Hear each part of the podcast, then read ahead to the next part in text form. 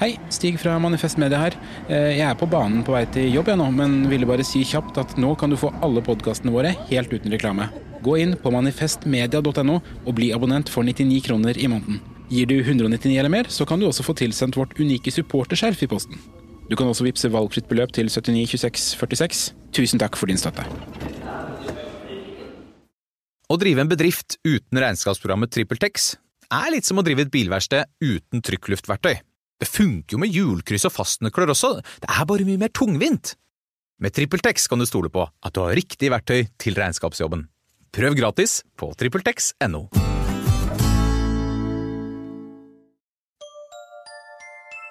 Liker du denne podkasten? Manifest Media er folkefinansiert, og vi er derfor avhengig av din støtte. Vips valgfritt beløp til 79 26 46, eller gi et fast månedlig beløp på manifestmedia.no slash supporter.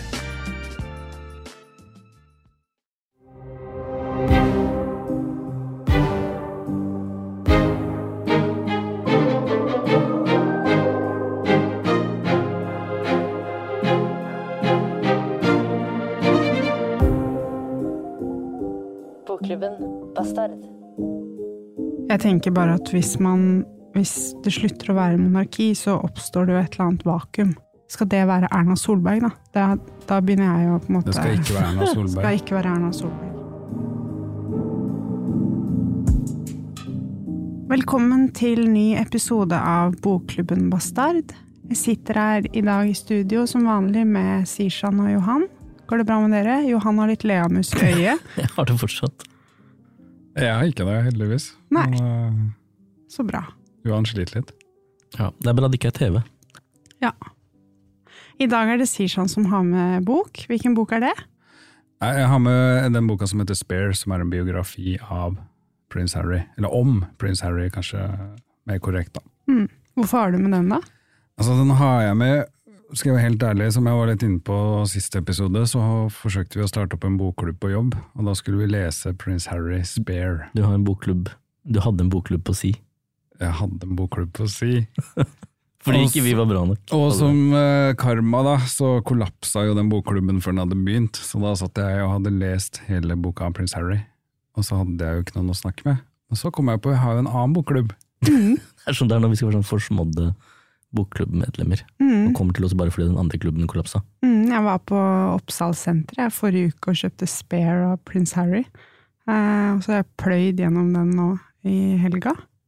Ja, og igjen så er det sånn at dere to andre har lest eh, en bok, så jeg skal slippe å gjøre det.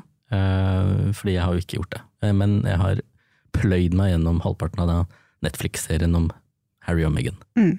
Og det skal sies at Netflix-serien om Harry og Meghan, som jeg også har pløyd gjennom halvparten av, og eh, boka Spare er ikke så veldig ulike. Det er mange av de samme historiene som fortelles. Dessuten så har jo han også vært i Storbritannia Ja, jeg kommer rett fra Cambridge. Mm. Mm. Så det er et tema i dag. Eh, men hva handler denne boka om, da? Altså, den boka er jo Spiller jo den tittelen eh, måtte jeg også spare, måtte jeg leite meg litt fram til hva egentlig betydde. Og det er et uttrykk, jeg vet ikke om det bare er i Eng, eller om det bare er den britiske kongefamilien, men det er i hvert fall et uttrykk for barn nummer to i kongefamilien, da. Det vil si det barnet som ikke er direkte tronarving. For det er da Hare, som er William i det tilfellet her, og så er Spare er på en måte den som er til overs. Mm. Den som er i kongefamilien, men ikke helt er i kongefamilien. Eller ikke helt er i på en måte arverekkefølgen likevel. Så det er tittelen, og den sier ganske mye som vi kommer til å komme litt inn på. Og den boka kom i fjor, tror jeg, eller tidlig i år. Nå ble jeg litt usikker. Jeg tror den kom i fjor. Mm. Um, og den er jo ikke skrevet av Harry selv. Den er skrevet av en som heter J.R. Moringer. Som er en etablert forfatter, og det syns jeg man merker for så vidt. At det er eh, Den er jo i hvert fall tidvis ganske godt skrevet, og den skrives jo i en jeg-form. Det er på en måte Harry som forteller gjennom denne skyggeforfatteren. Um, det er han som på en måte opplever og ser og lukter og sånn. Og det er, det er en lang bok, ganske lang bok. Mm. Ganske tjukk bok. Og grovt sett så kan man dele den opp i, i tre deler, der den første delen er uh, historien om han som barn. og da som mer eller mindre ender med at moren hans eh, dør, prinsesse Diana, Mm. Um, med et sånn voldsomt mediesirkus etterpå. Mm. Og så er det en mellomdel som er veldig lang, uh, som er mer en sånn klassisk ung mann på søken etter seg selv. Uh, han hiver seg ut i både forskjellige liksom, eventyr i, i, Afrika, han ender opp som soldat i Afghanistan, han, eh, han prøver på en måte å finne seg selv og sin plass, både som, som, som et jeg og, og som et medlem av kongefamilien, da, ikke minst. Og så er det den siste delen, og da, det er i all hovedsak da han møter Meghan Markle, som er en amerikansk eh, Hollywood-skuespiller, kan man Mm, kalle henne. I hvert fall TV-serieskuespiller. Blant annet. Mm. Spilte blant annet i Suits, ja. Um, og som handler om forholdet mellom dem, og det etter hvert ganske betente forholdet som til slutt ender med en avskjed med, med sin egen familie, kongefamilien. Da. Er det, en, er det en ærlig bok? Tror dere på det han skriver? Det er alltid, det er alltid sånn godt spørsmål i en biografi, fordi det er jo, jeg husker ikke det er en eller annen smart person som har sagt det, men alle er jo helt i sin egen historie. Mm. Mm. Og det så også i denne historien, vil jeg si. Mm. Um, Det er en person som er ganske opptatt av seg selv, tenker jeg. Som, som Det er en person som er veldig, veldig skadet og traumatisert av å ha mistet moren sin og hele det mediesirkuset og sånn. Men, men han Men særlig i den midterste delen hvor han på en måte skal finne ut hva han skal eller vil, eller Han prøver masse forskjellige ting, så er det, det er helt sånn uendelige scener med med sånn kill your darlings, eh, bare sånne små historier som Harry forteller. Ja, en gang kjørte jeg helikopter. Den, Mm. vil, den fører ikke noe sted, da, Mm. mange av de historiene. Og så det, Og da tenkte jeg sånn Hvorfor er det ingen som har tatt ut det her? Du må jo være det veldig si. opptatt av at det skal være med. Eller jeg vet ikke. Ja, det er det, og jeg synes jo det er jo noen temaer som er gjennomgående på tvers, da du var inne på det. Det er jo Diana, eller moren hans, Mm. sitt dødsfall. Og så er det det mediesirkuset, både etter det, og som har fulgt han hele livet, egentlig. Mm. Og jeg skal ikke fjerndiagnostisere Harry, men det er jo helt åpenbart at han har en eller annen form for PTSD eller noe sånn av det der. Altså, Mm. Han er veldig, veldig påvirka av det. Han får sterke reaksjoner bare han ser en kamerablits, ikke sant. Mm. Så det er liksom det gjennomgående, og den siste som er gjennomgående, er at egentlig den hele boka er nesten som en sånn lang meditasjon over Harrys liv på innsida og utsida av kongehuset på en gang. Mm. Ikke sant? Han, det er på en måte umuligheten i Harrys liv, da. Mm. Er at han er jo så på innsida som det går an å bli. Han er barn av prins Charles og prinsesse Diana. Dronninga er bestemora hans. Nan, liksom. Det er dronninga av England, eller var da, før hun tok kvelden. Um, og så er han likevel på utsida. Hele boka er skrevet på mange måter som en som er på utsida. Ja. Mm. Han står på utsiden nå, og så ser han inn, og så kommenterer han det fra utsiden. Men samtidig så er han jo fortsatt kongelig, og den der innafor-utafor-greia er en sånn uh, gjennomgående greie i hele boka, egentlig. Mm. Jeg ville jo definitivt uh, lest en bok uh, om Harry and, and William. Det, det tror jeg. Så jeg, jeg, jeg tror på at dette liksom er en mye mer spennende historie Mm. enn den William eh, ville ha fortalt. Mm. Eh, nettopp av alt det du beskriver, men kanskje særlig det siste. da. At han ser det utenifra. Mm. Uh, han vet akkurat hvordan ting funker, eh, og altså alle skyggesidene, og, og kan Og har også lidd under det, og som en følge av det forlatt, forlatt det huset, liksom. Mm. Eh, og klarer å beskrive det utenifra. Men. Mm. der kommer jo også litt av problemet for meg, da, som leser av den boka. Kommer jo at Problemet er at prins Harry klarer ikke å se seg selv utenfra. Mm. Mm. Altså han ser jo da han ser kongefamilien og sånn, han ser på en måte ikke seg selv, og da er du inne på den klassiske, han ser på en måte ikke sine egne privilegier, det er det ene, i hvert fall i mye av boka. Så er han veldig opptatt av å bitche og klage over at han bor i en mindre bolig enn broren hans, og broren hans og Kate fikk et større hus da de ble gift enn det vi fikk tilbud om, og det er ganske mye sånn da han føler seg forbigått og forsmådd ofte på en del sånne ting som jeg tror mange ville tenkt at det er sånn jo da, det er et problem, jeg ser det liksom for deg, men, men han, han makter liksom ikke helt å heve heve blikket sjæl, da. Han klarer liksom ikke å Jeg vet ikke, jeg leser det egentlig i boka som at han egentlig syns eh, på en måte at monarkiet og sånn er tipp topp. Han bare er misfornøyd med sin egen posisjon i det. Mm.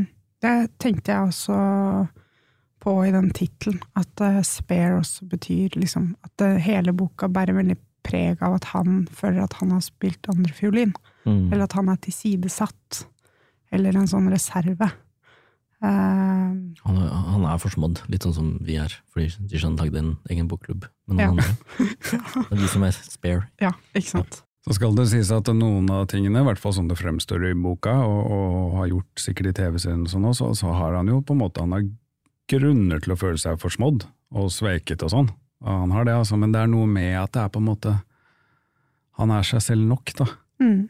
Det er bare han, han, han. Han har liksom ikke noe blikk på hvem han er i verden utafor kongehuset. Han har liksom ikke noe blikk på noe annet enn sin, sitt eget ganske smale liv. Men hadde ikke vært overraskende hvis han hadde det? Jo, jeg veit det. det jo det livet han har levd, og Ja.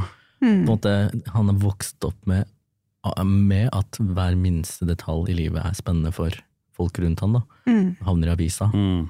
Eh, så han har jo åpenbart et forskrudd bilde eh, også, kanskje på seg selv, da. Det, det ville jo garantert vi også hatt. Mm. Um, og på en måte er det jo kanskje litt bra at han da ikke klarer å se seg selv nok utenifra til at han ville pynta på den der, på det selvbildet. At han nettopp klager over de der tingene som virker helt absurde utenifra, da. Eh, så, så vi kan sitte her og snakke om det, på en måte. Um, fordi, ja, med, med all, alt det apparatet han sikkert har hatt rundt seg, eh, som skal hjelpe ham med å framstå sånn og sånn, og sånn, så kunne, kunne han sikkert endt opp med å framstå som, som noe han faktisk ikke var, da. Er ikke det liksom veldig Det er en sånn veldig sånn generell problemstilling når man liksom snakker om de kongelige. At det gjelder jo alle de kongelige. De er liksom født inn i det. De er født inn i et gullbur. De vet ikke om noe annet. De er uendelig rike, men de er like fang, likevel fanga, eller sånn. Men, eh, men det er jo også det som er liksom En av de interessante tingene i denne boka er jo på en måte institusjonen Mm. monarkiet. Hvordan er det? Hvordan fungerer det? Eller sånn. Og hvor, og hvor liksom Ja, de har jo uendelig penger, men de er jo De gjør jo bare som de blir bedt om. Eh, stiller opp på ting Ja, de blir bedt om. Men Og, samtidig også sånn, og det kan du jo si, det, er jo for så vidt, det kommer jo fram gjennom ting han forteller, like mye som at han drøfter det, og jeg er enig med Johan, altså det er mye å forlange på en måte et sånt essay om monarkiets framtid av en som, som, som er del av det, på en måte. Mm. Um, men det, det som kommer i hvert fall jeg satt inn med, er jo at det monarkiet er utrolig bevisst på å bevare seg selv, på en måte. Det er utrolig bevisst på å hele tiden sørge for at det er relevant. Og veldig mye av det Harry opplever som at han blir sveket eller forsmådd og sånn, det handler om at kongehuset tar valg som de mener er til det fremste for kongehusets videre stand og overlevelse. Ikke sant? Det, det var kanskje ikke overraskende for de som har satt seg mye inn i liksom The Crown og sånn, men jeg har ikke liksom Altså den TV-serien. Den Mm. TV-serien. ja. TV-serien, ja. Men det der det med at liksom monarkiet må bestå, alle valgene vi gjør, må tas med tanke på det hele tiden. mm, Det er ganske sånn, det tipper jeg prins William og Charles ville sagt til sitt forsvar ofte, da. I mm. mange av de valgene som har blitt gjort. Ja, hvorfor skal man bevare kongehuset? Lurer jeg på. Jeg skjønner jo ikke det. Nei, eller jeg skjønner jo at de på en måte vil bevare det. Ja. Det er på en måte en sånn institusjon, eh, har en egen sånn overlevelsesinstinkt, alt jeg på å si. Men det er jo mer et sånt spørsmål om hvor, hva, hva skal vi med monarkiet i, i den tida vi er i nå? Det er jo et spørsmål jeg har stilt ofte. Mm. Men jeg tror de føler kjempestort ansvar, sånn Ja, ja. på ordentlig, fordi de blir oppdratt til å, å, at de skal ha det, og tenke sånn om seg selv. Da. En helt en syk uh, tanke, selvfølgelig, men det er jo den funksjonen de har, og den, den rollen de skal inn i. De har jo da, hva er det, de har jo, hvor, hvor lenge har de eksistert, liksom? Det er mange, altså tusen år? Altså, de, de har jo de har jo de har i hvert fall eksistert mye lenger enn kapitalismen, for å si det sånn. Ja. Eh, Så sånn sett så er de liksom en tilsynelatende stabil institusjon i en eh, ganske turbulent eh, verden og historie, da. Eh, noe som i hvert fall en del av befolkningen kan se til og, og ja, vite liksom at de er jo der, og de fortsetter, og de holder på. Og de, har jo en, de er fortsatt populære, veldig. Ja, veldig Jeg ble overraska over hvor høy tillit de har. De hadde liksom sånn 60-80 Ja. eller et eller annet sånt. Det var under Elisabeth, da. Det er kanskje litt annerledes nå som Charles skal bli kronet, men eh, som han Ja. skal bli nå, om Altså, ikke så lenge.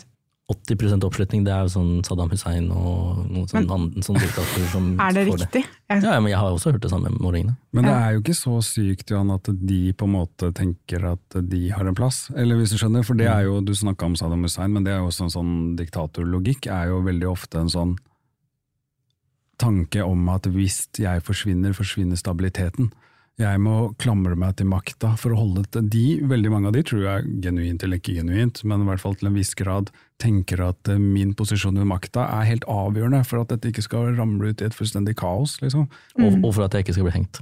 Det òg, og at alle milliardene mine skal bevares. Men, øh, men det er også et element av det, liksom. Og det er jo, jeg veit ikke, jeg har bare følt jeg har hatt tusen av en sånn diskusjon opp igjennom om liksom monarki pro et kontra, liksom. Mm. Og det er jo sånn Jeg tror jeg med alderen har blitt litt mer tilbøyelig til å tenke at de har en verdi som et symbol, eller jeg er litt mer tilbøyelig til å være enig i at felles symboler er viktig for en nasjon, da. mm, Ikke sant? At det er tross alt noen ting som binder oss sammen som en nasjon. Da må vi ha noen felles symboler. Kongehuset er et sånt symbol. mm, Med det sagt så er jeg jo republikaner på min hals. Sånn at hvis, det hadde kommet, hvis jeg hadde skulle stemt, stemt, så hadde jeg jo stemt for en, for en republikk. Og argumentet mot det symbolet kan jo eksempel være ta det største traumet som har skjedd i Norge, da. I min levetid, i hvert fall. Det er 22. juli. mm. Hvem er det som var de nasjonale symbolene, hvem er det som samla folket da? Det var to folkevalgte. Det var Jens Stoltenberg og Fabian Stang. Nei, ja, ikke for meg, faktisk. Fordi jeg Ikke Stoltenberg heller? Jeg husker talen til, til kong Harald. Eh, jeg husker at han er liksom. Husker knakk sammen i den talen, og da husker jeg liksom Grunnen til at jeg husker, bare det at jeg husker og forteller om det nå, eh, uten å være monarkist, eh, betyr jo at det hadde en effekt, da. Jeg bare tenker at ofte når man diskuterer eh, monarki eller republikk, så, så er det litt som å sitte i klasserommet Ja. på ungdomsskolen. Fordi da liksom lærer man om for og imot, og så er den, når man snakker om det, så blir man Det er så prinsipielt, da. Ofte.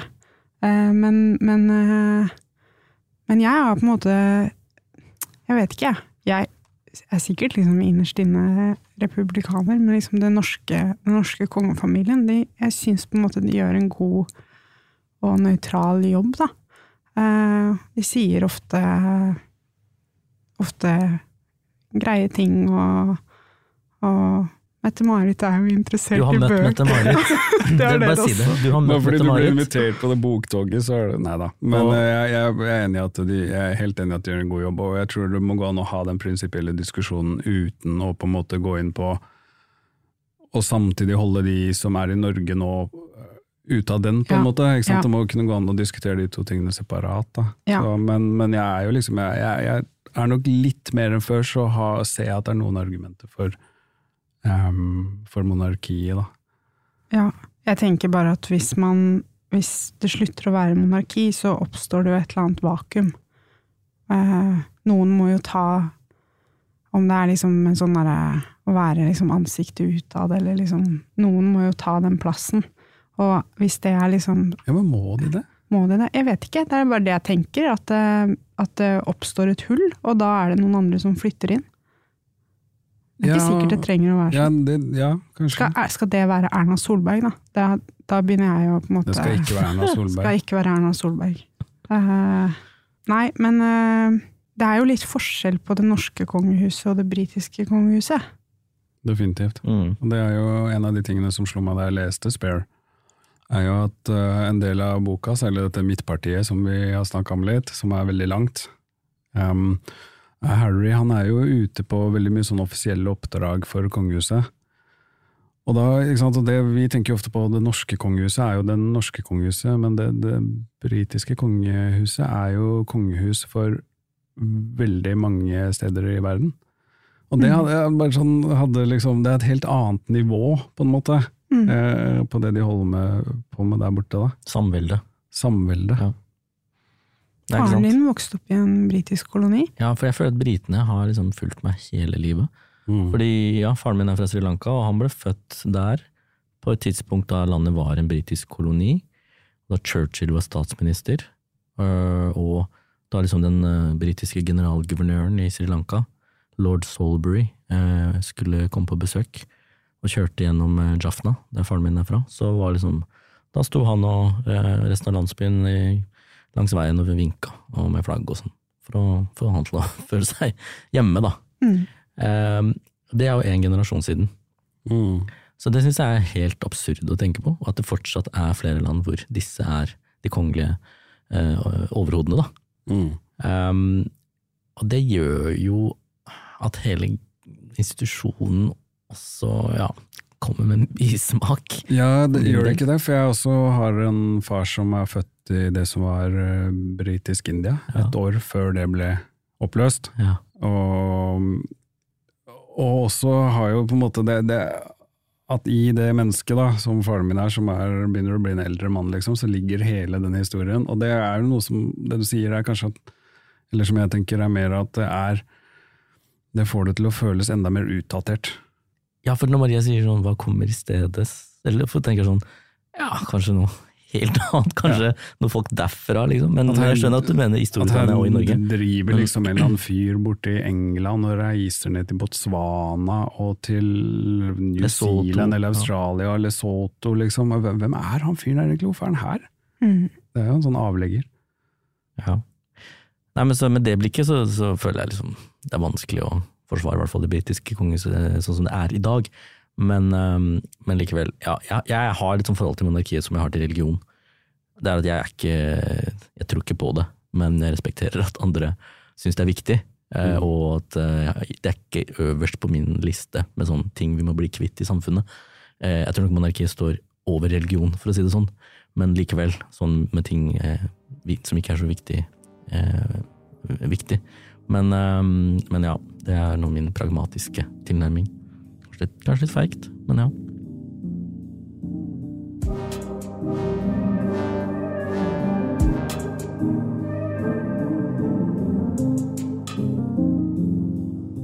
Skal vi snakke om Meghan nå? ja vi må snakke om Meghan. Ja. Fordi Meghan kommer inn Meghan Markle, amerikansk skuespiller. Afroamerikaner. Moren er svart, ja. Mm. Er hvit. Kommer inn i kongefamilien. Og først så liker de henne veldig godt, pressen. Ja, Ja. altså de, de, de, det skal sies at da det ble kjent hvem hun var, Ja. så smalt Daily Mail med en sånn forside. For da fant de ut at uh, hun var fra Los Angeles. She's from Compton. Ja, men det er greit hun er ikke fra Compton, som jo er liksom berykta gjennom eh, masse diverse gangsterrapp-musikk. Men uh, hun er fra Crenshaw eller et eller annet sånt annet sted. Men Daily Mail hadde en artikkel hvor det sto "S- Almost straight out of Compton. Meghan Markle fra liksom det gettoen i Los Angeles, og moren bor sånn og sånn, og det er så stusslig, og de er Ja, det var ikke veldig sympatisk. Men da hun først eh, viste seg, og de ble litt kjent med henne, så var hun populær. Veldig. En liten stund. Ja. Og så er det jo en del i starten, så er det jo litt sånn morsomt, for der er det litt sånn, i hvert fall sånn Harry fremstiller det, da. Så er det først, og fremst litt sånn innad i kongefamilien, så er det først og fremst litt sånn kulturkollisjoner. Mm. Ikke sant? Hun er amerikansk og litt mer direkte, kongefamilien er jo britisk, i tillegg til hele den kongelige etiketten og sånn, ikke sant? og det er litt sånn halvmorsomme situasjoner hvor hun har mistolka noe feil, eller glemt, og nå husker jeg det ikke, men det er typisk sånn glemt å neie i 42 graders vinkel når dronningen kommer inn. Det er litt sånn, da. Det er litt sånn, nesten litt sånn koselig, på en måte. Og så, og så går det jo litt sånn gradvis, både innad i kongefamilien og i mediene, at det bare går liksom til helvete, da, det forholdet uh, Harry og Meghan har. Uh, og jeg må jo si, jeg syns jo Jeg syns den siste delen av boka som handler om det forholdet deres, og den gradvise utglidninga vekk fra kongefamilien, det er kanskje den mest spennende delen av, av boka. Mm. Det, det, er jeg- liksom den hvor det Kanskje det er den indre, på en måte uh, at På et eller annet nivå så er det jo gøy med intriger på, i kongefamilien, er det ikke det? At det, er noe, at det er noe med det, og så er det noe med hvordan boka da på en måte, Da er det litt Det er mer spennende, da, for å si det på den måten. Mm. Det skjer mer. Det føles som mer står på spill, liksom. Ja. Det var jo en del skriverier i sosiale medier eh, om at eh, hun var biracial. eh, og de etablerte liksom TV-kommentatoren, så var det sånn det, Hvordan blir det? Det har aldri skjedd før. Mm. Eh, mens med litt mer grumsete deler av sosiale medier, så var det helt sånn helt åpenbar rasisme da, retta mot henne. Vi kommer til å få en dråpe svart blod i kongefamilien. Ja ja, og det, og det er jo reelt. Det er ligger jo, ligger jo der i deler av britisk Ja, ja. eh, sinne, sinne, liksom. Mm. Den antagelsen om at hun også kommer fra Compton, er jo også en sånn ganske stereotypisk eh, påstand om, eh, om afroamerikanere og sånt. Det er også rasistisk. Ja, og, det? og det sier jo så mye om britiske tabloider. At, det- og, og det, er den, det er den delen av media som kongehuset forholder seg mest Mm. til. Og den, men den siste delen om Meghan blir også spennende, fordi det, den, den svarer på den første delen, som handler om Harrys barndom og Diana. Så det er på en måte ja. Historien gjentar seg. Mm. Og, og den gjør jo det, fordi de lever jo under eh, Og det kommer ikke så tydelig fram i boka at de lever under alt dette blitsregnet og paparazzier som er etter dem hele tiden. Men i den serien som ligger på Netflix, så ser du på en måte at at det, det er paparazzi-biler etter dem hele tiden. Det er sånn båter, gummibåter med paparazzier på, som, Ja. som kjører rundt liksom, huset deres i Vancouver. Og, Mm. og, og de er skikkelig etter henne, da. Eh, og det var jo det samme som skjedde med Diana. Eh, og da, da Diana døde i 97 i den bilulykken, så var det jo også paparazzier som var etter henne. Ikke sant? Så Og Harry føler da at han ikke kan beskytte Meghan Markle godt nok. Han er på en måte redd for han har en eller annen skyld eller et eller annet fra mora sitt dødsfall. Som på, og det er jo det skal, skal, det skal man ikke kimse av, liksom. Det er helt sinnssykt, det der mediekjøret på dem. Mm. Altså er, de bor jo i kofferter, holdt jeg på å si, fordi med en gang et sted blir oppdaga, Mm. så må man bare pakke sammen. Det er helt umulig å liksom leve der. Og det er en For det er paparazzoer bokstavelig talt utafor vinduet. Ja. Til enhver tid. Men det eneste jeg syns svekker den delen av historien litt, da, som, som fortelling, og, og er at det er ikke en eneste gang i boka, og det er kanskje forventa, at Harry sier noe negativt om Meghan. Eller at noe av det Meghan har fått kritikk for, nå tenker jeg ikke av media, den totalt useriøse kritikken mot henne, men en del sånn intern kongehusting og sånn, da. Hun, har, hun gjør aldri feil. Hun er helt perfekt hele tiden. Hun har alltid de aller, aller beste intensjoner. Og det er litt sånn Sånn er jo ingen. Og jeg skjønner at han liksom står opp for partneren sin, liksom, men det svekker det litt, på en måte, hvis du Mm. skjønner. Det svekker historien litt. mm, Hun er så feilfri, det nekter jeg å tro at hun er. mm.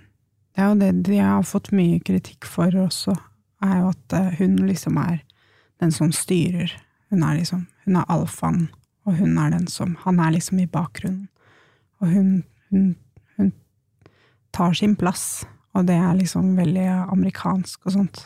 For eksempel når de får det barnet, så er det vanlig kutyme i, i Storbritannia at man møter opp rett etter at man er født, så møter man opp ved en sånn spesiell sykehusdør, eller noe sånt noe, og så tar man bilder sammen med den nyfødte ungen, og da er, Jeg tror liksom det er snakk om timer, og, da, og det gjorde liksom Diana, og det gjorde Kate Middleton, og, og, da, og, det, og det gjorde også Megan, men med Meg, Meghan brukte to dager, da, og ikke bare noen timer. Og det fikk hun også masse, masse sånn kritikk for at hun at, at, For det skulle man jo ikke gjøre.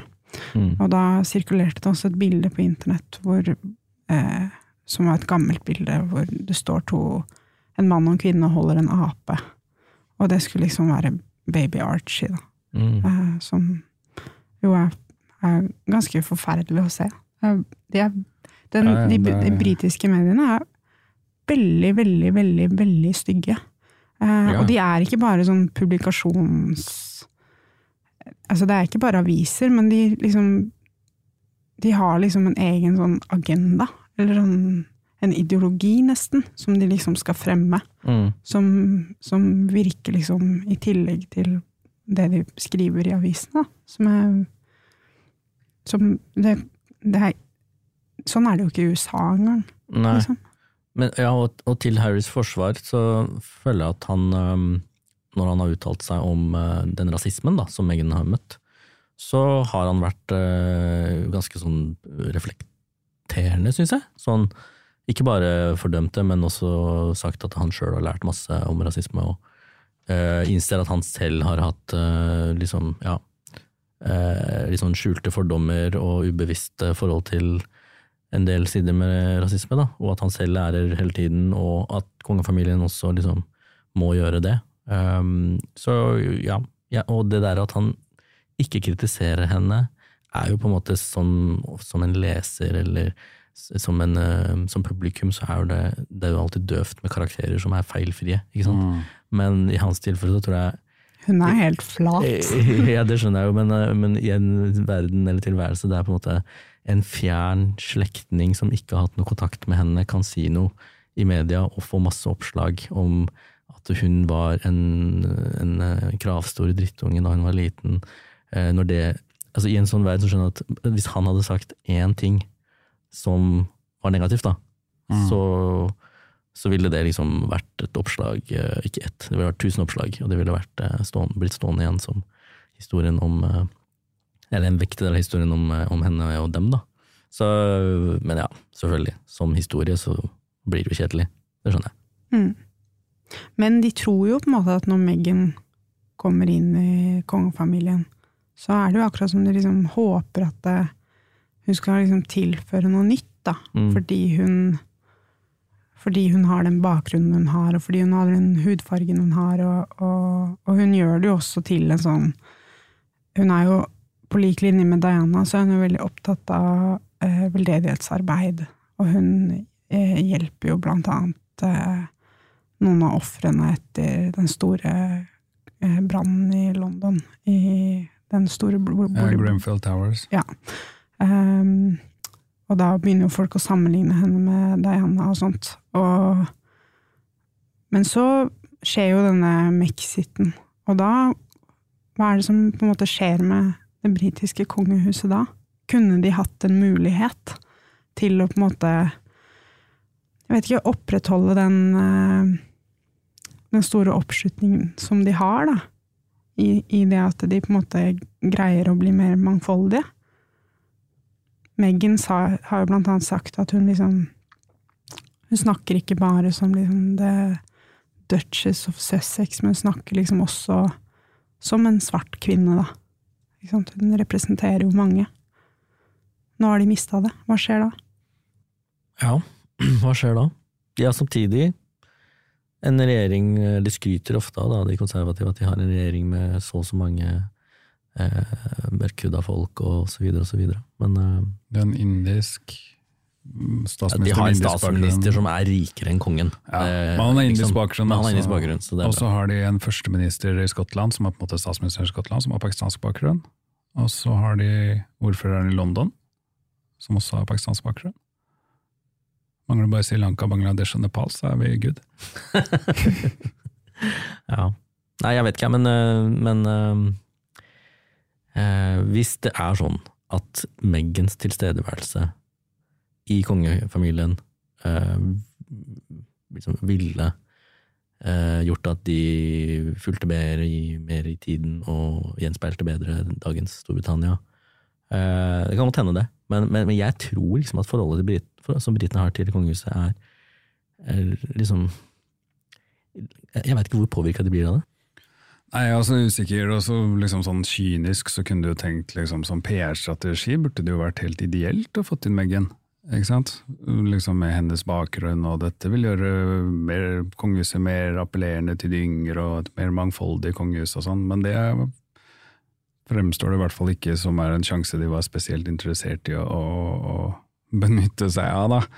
Um, og sånn det framstilles av prins Harry, så handler jo mye av det om at det, William og Charles og på en måte selve makta i kongehuset, tronen, de føler at hun Meghan tar for mye plass. Da mener jeg ikke bare plass som en amerikaner, men hun er jo i ferd med å bli mer populær enn dem. Det er henne som får mest eh, oppmerksomhet når de er ute på sånne kongelige oppdrag og sånn. I hvert fall sånn fremstilles det Harry, da, at eh, hun ble for populær, nesten. Litt sånn som mora hans Mm. i sin tid. Mm. Han har jo en sånn, et forhold til uh, Meghan som Han er jo åpen om det selv, tror jeg. At han, han kjente igjen sider ved henne som han uh, forbandt med moren. Da, altså gode egenskaper. Han er veldig åpen om det. Det er Ja. nesten litt sånn eh, skremmende at han liksom projiserer uh, Ja, Ja. Det, det er litt skremmende. Det er, det er, det er veldig menneskelig, Det er menneskelig, men men det forklarer også kanskje noe av den derre fortvilelsen, da. Eh, når han ser at eh, shit, det, samme, det som skjedde med moren min, kan skje med hun som jeg har funnet nå, som på en måte har redda meg. Mm. Eh, og som, eh, ja. Og så mange gjør, måter er så gjør faren og broren min ingenting Ja. for å hjelpe oss i den situasjonen de er i, med, det, med mange av de kjipe oppslagene hvor han vil at eh, kongefamiliens kommunikasjonsteam og juridiske team skal gå til søksmål eller gå ut og, og på en måte prøve å slåss mot de historiene, så blir det ikke gjort noen ting. Og det er jo en av hans store frustrasjoner også, ikke sant? at de, de gjør ingenting for å hjelpe oss, på en måte. Mm. Men er ikke det linja deres? Eller, er- Jo, Det nettopp. var det som var problemet. De vil jo kanskje så si det, da. Ikke, vi, vi sier ingenting. Mens, eh, og det var det mm, Megan også ble fortalt. At uh, ikke gjør noen ting. Det er det som er så interessant med de kongehusene, er at de er så avhengige av mediene. Ja. Det er jo nesten hele på en måte, oppslutningen og likviditeten deres er jo at de samarbeider jo også med mediene. De er avhengige av hverandre, da. De er liksom som Sofie Elise. Ja. I det øyeblikket de ikke får oppmerksomhet lenger, så er verdien borte. Ja, det er litt sånn. Det er et helt sinnssykt system. Altså, sånn sett så er det rene en sånn humanistiske årsaker, så burde jeg være mot monarkiet. bare at De folk skal slippe å Mm. leve det livet der. Mm. Eh, men ja. Det har vært ett eh, veldig kjent øyeblikk med Meghan, og det er når det kommer en journalist og spør henne Hun har liksom nettopp fått barn, og sånt, så spør han henne hvordan går det egentlig. Og så sier hun at det går ikke så veldig bra. Og, da, og det minner jo også veldig om eh, mange av de klippene man har sett av Diana. Både i liksom intervjuer Diana har gitt, men også når bare paparazzier som er etter Diana, og så ser du at hun har det ikke bra. Eh, og at hun har lyst til å ikke bli fotografert. Som er ganske, er ganske fælt å se på.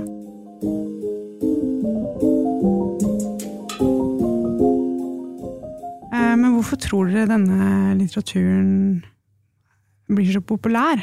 Det er jo helt ville tall på Prince Harrys Spare. Den slo jo Barack Obama sin selvbiografi i antall solgte eksemplarer. Jeg vet ikke hvor mange det er engang. Jo, den solgte, eller jeg vet ett tall, den solgte 1,4 millioner eksemplarer første dag, Ja. Mm. som er et helt sinnssvakt tall. Altså det er sånn Paulo Coelho blir liksom for mindreverdighetskompleks av det. Mm. ja. Johan? Nei, hvorfor det? Jeg, som sagt, eh, dette er en familie som har dominert eh, store deler av uh, britisk samfunnsliv og debatt eh, i mange hundre år. Og folk elsker å lese om dem, selv de som på en måte syns synd på den måten de blir behandla på av tabloidene, vil jo lese de samme tabloidene hvis de skriver spennende nok ting Mm. om disse folka. Så når en av dem bryter ut og skal fortelle liksom sin historie, så er det jo på en måte åpenbart at uh, det vekker interesse, da. Men, men uh, samtidig så tror jeg at uh, nettopp at det er han, og at det har vært såpass dramatisk, gjør at den selger så mye. Og som sagt, hvis William hadde skrevet en bok nå, så tror jeg ikke den hadde solgt like mye, for å si det sånn. Nei, og så er det noe med Det er jo noe med at det er jo på en måte Det står jo på sett og vis en del på spill. eh, i, i de på en måte Ja, det er litt intrigete ofte, noe av det, men det, det, i, i bånn så står det ganske mye på spill. Det står jo hele monarkiet på spill til en viss grad, i hvert fall. Så det er jo, man, det er jo drama med mye i potten, på en måte. Og det er jo også den tradisjonelle jeg Har det ikke alltid vært sånn at man liksom man, man, man liker å få et innblikk helt opp i toppen? Og Mm. kongehuset er jo den tradisjonelle toppen. Det er toppen av samfunnet, det er så høyt det på en måte kommer i, i, i makt. Og det har jo alltid fascinert. Sånne maktkamper helt, helt opp i, opp i toppen, liksom. Så om det er kongehus eller om det er andre steder, da. Mm. Så det er et element av det, og så tror jeg at det er element av bare generelt, liksom sånn For det er jo ikke bare det britiske kongehusstoffet som selger godt. Det er jo ikke sant, om det er det svenske eller det spanske eller de der i Monaco som drev og herja fælt på 90-tallet. Da var det masse greier med dem. Så er det jo på en måte det er, Jeg veit ikke, jeg trygger vel et eller annet sånn kikkerinstinkt i oss også, altså, på en sånn Mm. veldig basic nivå, liksom. Jeg har jo sånn Jeg leser jo ofte sånn Daily Mail eh, Det er sjukt at du utsetter deg for er det.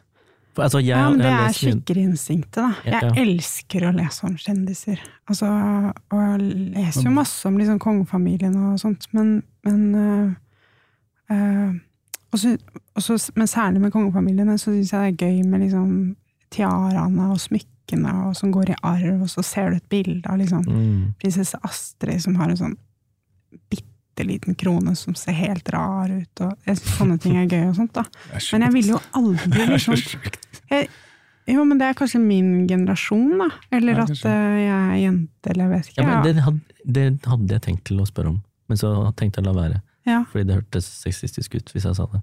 Nei, men jeg Fordi er veldig opptatt av, av kjendiser og sånt, altså. Jeg, Ja, men den prinsessegreia, Den prinsessegreiene. for, fordi jeg det er er det mange gutter som går rundt og tenker at de vil, som vil se ut som en prins på fest og sånt? Er, det er jo egentlig ikke det. Men det er jo noen jenter som vil se ut som en prinsesse. Ja, men det er fordi vi har så fine kjoler. Ja, jo, Mens guttene bare går med sånn smoking eller sånn kilt og sånt. Det er jo sånn Nei, men poenget er at det er, at det, det er sånn altså, Og det er når jeg leser sånne kjendisgreier og sånt, så, på en måte, så er hodet mitt helt av. Det er som å skru av en bryter. Jeg er bare ikke logga på. Og det er bare konsum og underholdning og, og sånn skikkegreier og sånt. Men, øhm, men jeg ville jo på en måte aldri plukka opp den boka til prins Harry hvis ikke du hadde kommet med den. Eh, fordi å pløye gjennom liksom 400 sider med hans liksom, historie, selv om han er liksom på toppen, og du vil vite historiene til de som sitter på toppen og sånn, så bare Da tenker jeg på en måte at Nei, han skal jeg på en måte ikke gi mer penger ved å kjøpe boka, eller sånn. Han trenger jo ifølge seg sjøl de penga. Ja, og han er uansett ikke ærlig. Han vil bare eh, la, på en måte male et nytt bilde av seg sjøl. Eller eh, er det et uttrykk? Jeg vet ikke. Men, eh, men nå har jeg altså lest denne boka, og det er den første sånn kjendisbiografien jeg har lest. Ja. Jeg tenkte jo også på sånn Abid Raja sin selvbiografi. Mm. Eh, Den jeg jo ikke lest. Men den, den Jeg vet at hans historie er veldig viktig, og at han har hatt det veldig vanskelig og sånt.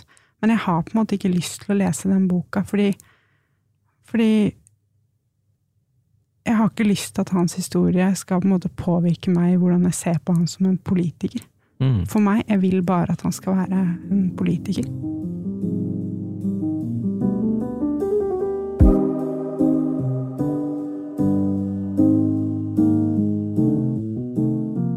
I dette podkastensemblet så har vi noen hull. Det er en her som aldri har lest Jon Fosse. Det er en her som aldri har lest Dag Solstad. Og det er en her som aldri har lest Vigdis Hjort. Alle disse tre er noen av de største forfatterne som finnes i Norge i dag. Eh, Neste uke skal vi derfor lese en roman av Vigdis Hjort. Vi skal lese Leve posthornet fra 2012, som handler om innføringen av EUs postdirektiv. Det blir gøy, ikke sant? Det blir kjempegøy. Jeg gleder meg. Jeg gleder meg masse. Vi ses neste gang.